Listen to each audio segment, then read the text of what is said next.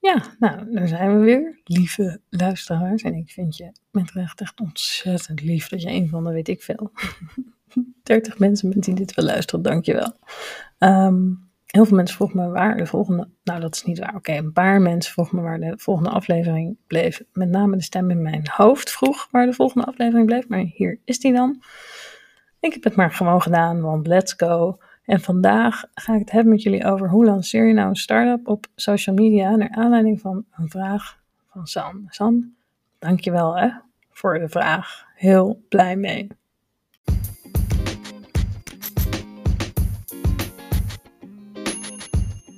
Hallo en welkom bij een nieuwe aflevering van de podcast Elja Denkt Door, waarin ik, Elja, graag met jou napraat en doordenk over alles wat te maken heeft met social media en marketing.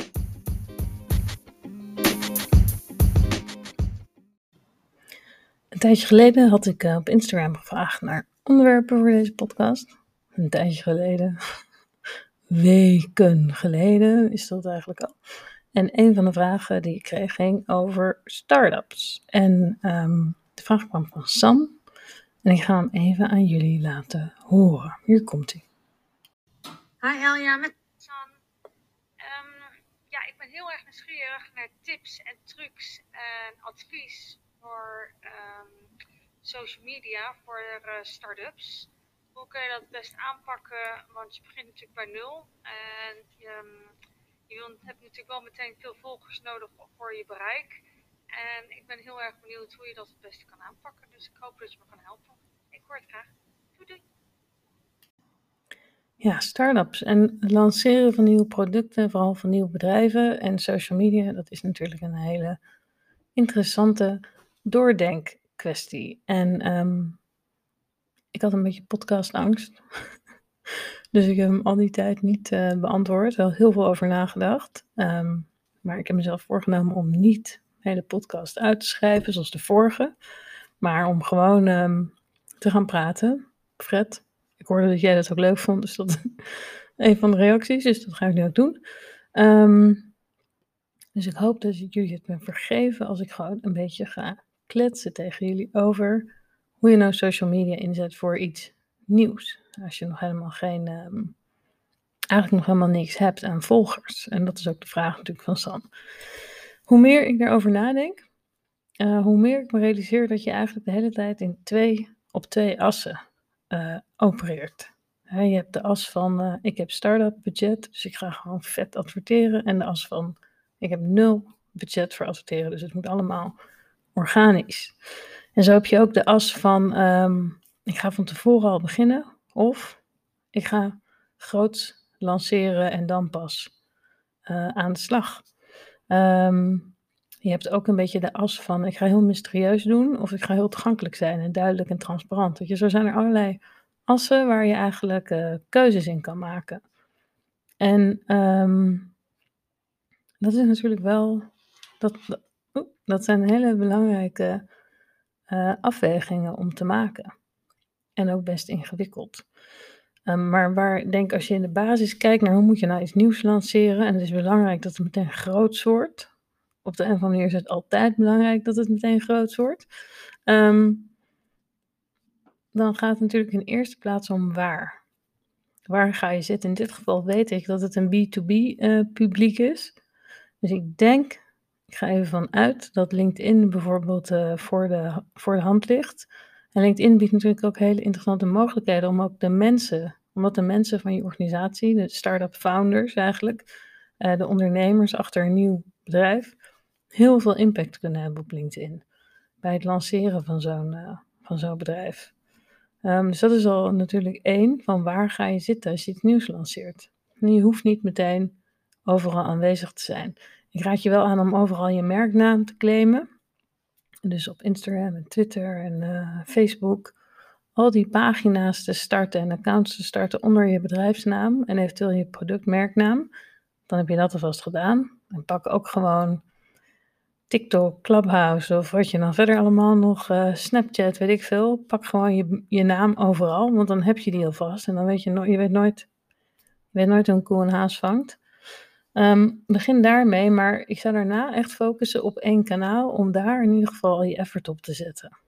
Want als je jezelf heel erg gaat uh, um, verdelen over al die platformen, dan wordt het gewoon veel moeilijker om daar succesvol te zijn. Um, en ik denk een fout die vaak gemaakt wordt, is om al je communicatie product georiënteerd te houden in plaats van um, rondom de behoeften die je eigenlijk, de, de, de, klant, de pijn van de klant of de klantvraag die je eigenlijk uh, bedient. Dus dat is iets anders om goed over na te denken. Um, wat, wat weten mensen niet? Nou, welke pijn hebben ze? En zijn ze zich misschien wel of niet bewust van, maar het is natuurlijk heel slim, ook heel moeilijk, maar ook heel slim, om daar als eerste op in te spelen met je communicatie. Um, dus dat zijn een paar dingen. Dus het platform en zeg maar die, die klantbehoeften, hè, die wakkerlichtpunten, om van daaruit te starten in ieder geval met je content. Um, en daarnaast dus om, als het om LinkedIn gaat, om de persoonlijke profielen van de oprichters gewoon slim te gebruiken. En dan hangt het natuurlijk vanaf, stel het is LinkedIn, um, wat werkt op zo'n platform? En wat je steeds meer ziet, en dat kun je zo googlen, is dat, um, dat bedrijven heel erg denken vanuit de funnel. Dus in welke uh, fase zitten klanten? Zitten ze in de oriëntatiefase of zijn ze dan gewoon niet bewust van het probleem? Of um, zijn ze al aan het kiezen tussen leveranciers bijvoorbeeld? Dat maakt natuurlijk heel erg uit voor het soort content dat je maakt. Dus dat, is echt, dat zijn echt belangrijke uh, afwegingen. Ik denk dat heel vaak video een rol zal spelen. Uh, vooral als je iets nieuws maakt, dan wil je natuurlijk uh, laten zien wat het is, hoe het werkt. Vooral in start-ups als het technische producten zijn. Wat, wat biedt het? Dus dat is echt iets ook om ook rekening mee te houden. Um, en wat ideaal zou zijn, is als je al een soort proefklant hebt. Dus dat zie je vaak um, ook mensen doen met van die online programma's. Uh, dat ze een stapel mensen hebben die dan allemaal um, testimonials geven op de landingspagina. Die mensen hebben natuurlijk heel vaak gewoon gratis deelgenomen aan het online programma. Het is natuurlijk heel fijn als je een klant hebt, iemand van buiten je eigen organisatie die het product aan het gebruiken is, um, die bereid is om je daar, die je mag quoten voor testimonials, maar die je ook kunt inzetten om gewoon materiaal te verzamelen, om te delen. Dus waar je een video mee kan maken, waar je foto's van kunt maken, zodat je alvast iets hebt. Uh, want anders heb je kans dat het allemaal heel vaag blijft. Dus dat is ook iets, denk ik, om, um, om over na te denken. Wat we natuurlijk de laatste tijd heel veel zien, vooral bij van die social media apps zoals eh, Clubhouse of nu um, uh, Dispo, die nieuwe soort Instagram-achtige app, is dat er heel sterk wordt ingespeeld op dat FOMO. En um, dat is op zich veel makkelijker, omdat het gratis producten zijn. Dus het, het werkt natuurlijk het beste als het gratis is. Maar daar kun je natuurlijk ook slim gebruik van maken in je communicatie voor iets nieuws, als je althans bereid bent om uh, er al iets over te zeggen voor de lanceerdatum. Dus wat een hele slimme truc is, is nou ja, truc, ja, zeg maar truc, is om er alvast over te communiceren en mensen dan uit te nodigen om bijvoorbeeld um, op de waitlist te komen of om alvast uh, op de e-mail nieuwsbrieflijst te komen, zodat ze als eerste gebruik kunnen maken van deze nieuwe optie. Uh, dat is natuurlijk ook het hele idee van al die freemium startups, dat mensen een gratis versie krijgen en dat ze daarna gaan betalen. En het is veel makkelijker om mensen als gratis gebruiker aan te sluiten dan het is om mensen meteen te laten betalen. Dus dat is hartstikke slim. Ik weet natuurlijk niet om wat voor start-up het gaat. Ik weet niet wat voor product het is. Um, maar het kan een methode zijn, een gratis versie of tijdelijke gratis versie, om mensen, ja, om die, om die FOMO aan te wakkeren en mensen erbij te halen. Sowieso um, vind ik het super belangrijk dat als je iets nieuws begint, een nieuw bedrijf, dat je meteen een e-maillijst begint. En, in het begin wat je soms ziet is dat uh, start-up founders dan bijvoorbeeld bloggen of met een nieuwsbrief of op Twitter of op LinkedIn uh, al beginnen te delen waar ze mee bezig zijn. Niet per se dat ze het product al vertellen, maar dat ze gaan delen het persoonlijke verhaal. En dat kan heel krachtig zijn, vooral zoals je als San, San weet ik dat toevallig, een heel sterk zakelijk netwerk hebt. Dus als je al een heel groot netwerk hebt, en misschien hoeft het niet eens zakelijk netwerk te zijn, maar dat is ook wel handig, dan is het natuurlijk fantastisch als je nu al begint met het persoonlijke verhaal te delen. Hoef je nog niet alles weg te geven, maar kun je wel al de excitement gaan delen en de passie die je voelt en ja, de, alles wat erbij komt kijken, zeg maar. Dat is natuurlijk hartstikke slim om dat al te doen. Ehm, en dat kun je natuurlijk gewoon doen op LinkedIn of Twitter waar je, of Instagram, waar je dan ook zit. Maar je kunt ook ehm, bijvoorbeeld al een blog. Een blog, een blog is sowieso heel handig om te hebben als start-up. Maar om een blog te beginnen, en ik, ik zit nou even te denken wie ik laatst. Uh, kwam laatst hoorde ik een founder van een hele grote start-up. Ik weet niet meer welke. En die had dus jarenlang geblogd. Uh, in de begintijd van die start-up. Over hoe het was om, uh, om ermee te beginnen, waar ze mee bezig waren. Dat zie je nu de oprichters van Clubhouse, die nieuwe app, zie je dat ook doen. Iedere zondag hebben ze dan een, uh, hebben ze zelf een chatroom op Clubhouse, waarin ze dan vertellen waar ze mee bezig zijn. Semi, semi-transparant. Um, dus de, vooral als je een meer senior start-up founder hebt, iemand die al langer werkt, al een netwerk heeft, is het echt slim om aan die excitement te gaan bouwen. En natuurlijk om mensen bijvoorbeeld naar je bedrijfsaccount te sturen. Ik bedoel, uiteindelijk wil je natuurlijk dat, de, dat het bedrijf los komt te staan van de oprichter en dat het een eigen community heeft. Um, en dat is nog iets wat heel slim is om te doen in de fase, in de aanloop. Is dat je eigenlijk je, dat je input gaat vragen. Ja, dat je gewoon uh, mensen gaat vragen op, op LinkedIn of Instagram, Twitter, waar je dan ook zit. Uh, vanuit je persoonlijke profiel het liefst, denk ik, als oprichter. Uh, dat je ze um, quizjes laat invullen met hun voorkeur, open vragen laat geven. Wat op het gebied van waar je start-up over gaat. Maar wat je ook vaak ziet, vooral bij boekauteurs, is dat ze bijvoorbeeld de input vragen over de coverfoto. Of over het logo, weet je wel. Vinden jullie blauwe logo's leuker of groene logo's? Dat zijn allemaal manieren om eigenlijk je community al ja, voor te bereiden en al mee te nemen. Misschien kun je al glimpjes laten zien van wat het wordt. Um, en zelfs als je niet het product wil laten zien, dan nog kan het verstandig zijn om wel vast te gaan praten over waar je tegenaan loopt, waar je mee bezig bent. Mensen vragen te laten beantwoorden. Allemaal manieren om die excitement en die bus, zeg maar, al te gaan genereren.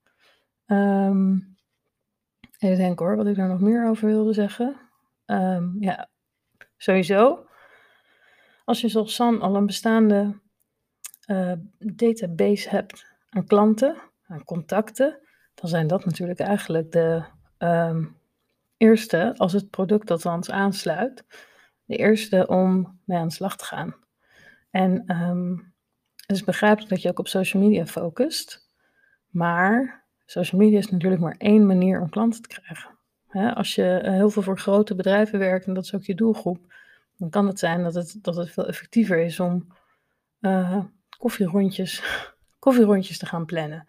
En mensen een soort uh, heel vrijblijvend voor te leggen van hier ben ik mee bezig, weet je wel, wat zou jij, wat zou jij eraan willen hebben? Of hoe, dus om die, om die discussie en die interesse te wekken en ook om de input te krijgen.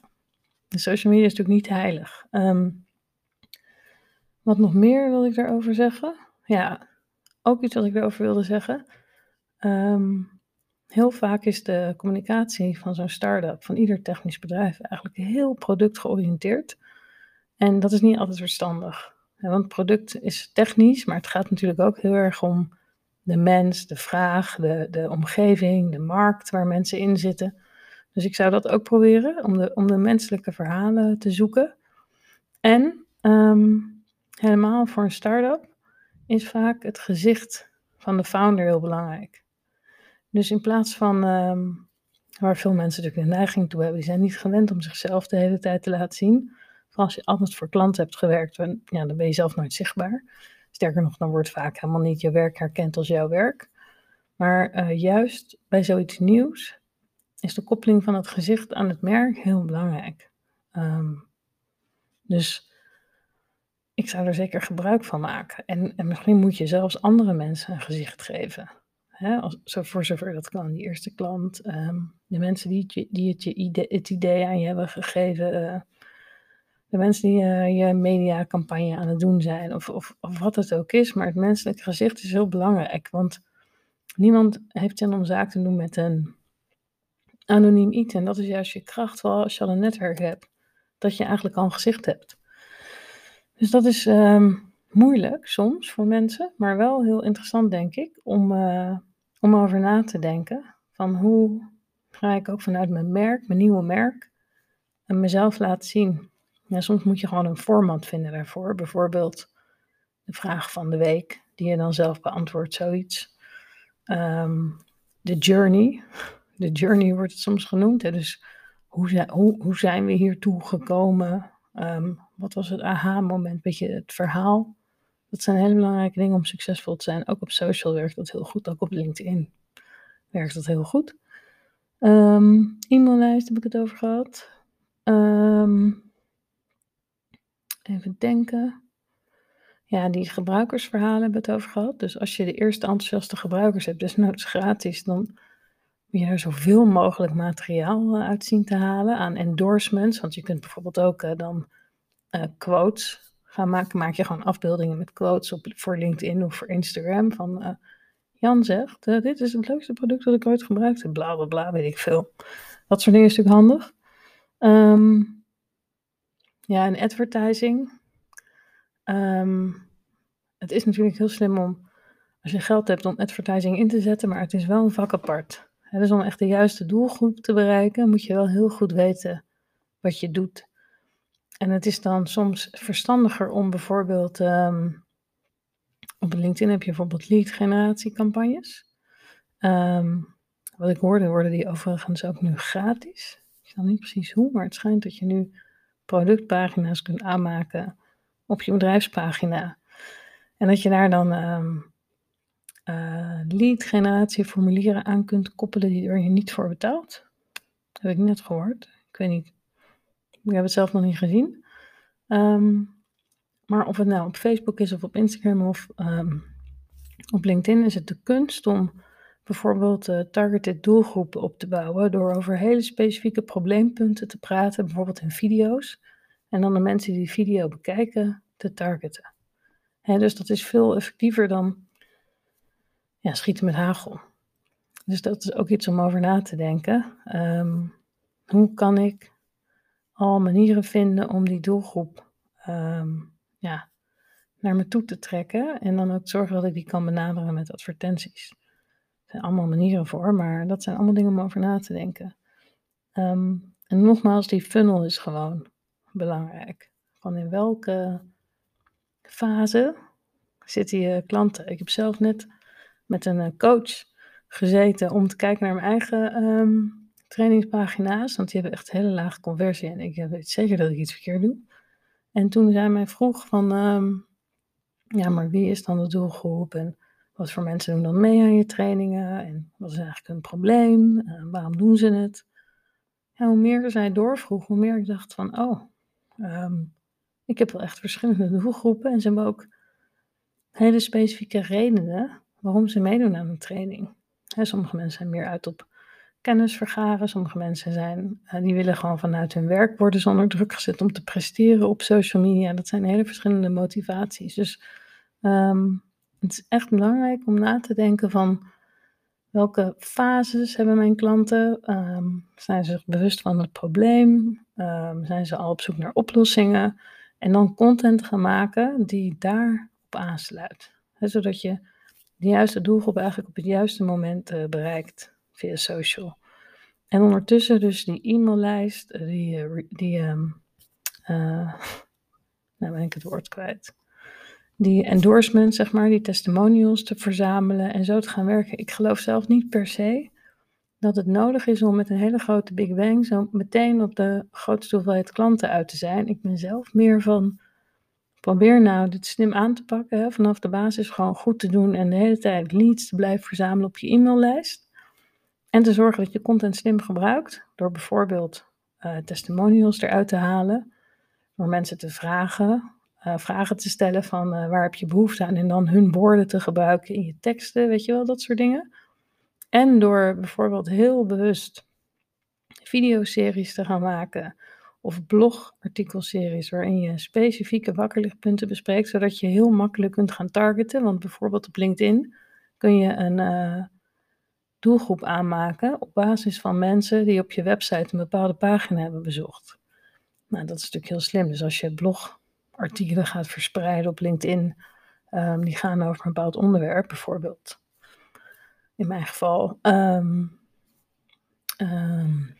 ja, wat moet ik met mijn LinkedIn-pagina? Weet ik veel, voor mijn training. Ja, op een gegeven moment kan ik LinkedIn bouwt dan langzaam een doelgroep op, een publiek, waaraan ik dan mijn advertenties kan laten zien als ik dat zou willen. Dus dat zijn allemaal dingen om het gewoon slim aan te pakken. Ik denk niet dat je per se, um, dat je per se moet focussen op zo snel mogelijk zo, of zoveel mogelijk volgers. Ik denk dat het heel verstandig is om echt op kwaliteit te gaan zitten, omdat je dan gewoon meer verkoopt, sneller verkoopt, denk ik. Dus dat um, zijn mijn tips. Um, ja, er zijn ook heel veel tips, technische dingetjes die je kunt doen op social. Uh, daar kunnen we het allemaal een keer over hebben, maar dit zijn een beetje de dingen waar ik aan zit te denken. Uh, als jullie aanvullingen hebben of vragen, kom me vooral zoeken op de socials en uh, stel je vraag of doe een aanvulling. Dan kan San het meelezen, anoniem. En um, San, ik spreek jou wel en ik hoor wel of het aansluit bij wat jij in gedachten had. En dan zullen we zien waar we volgende keer weer op uitkomen qua onderwerpen. Dankjewel. Doeg!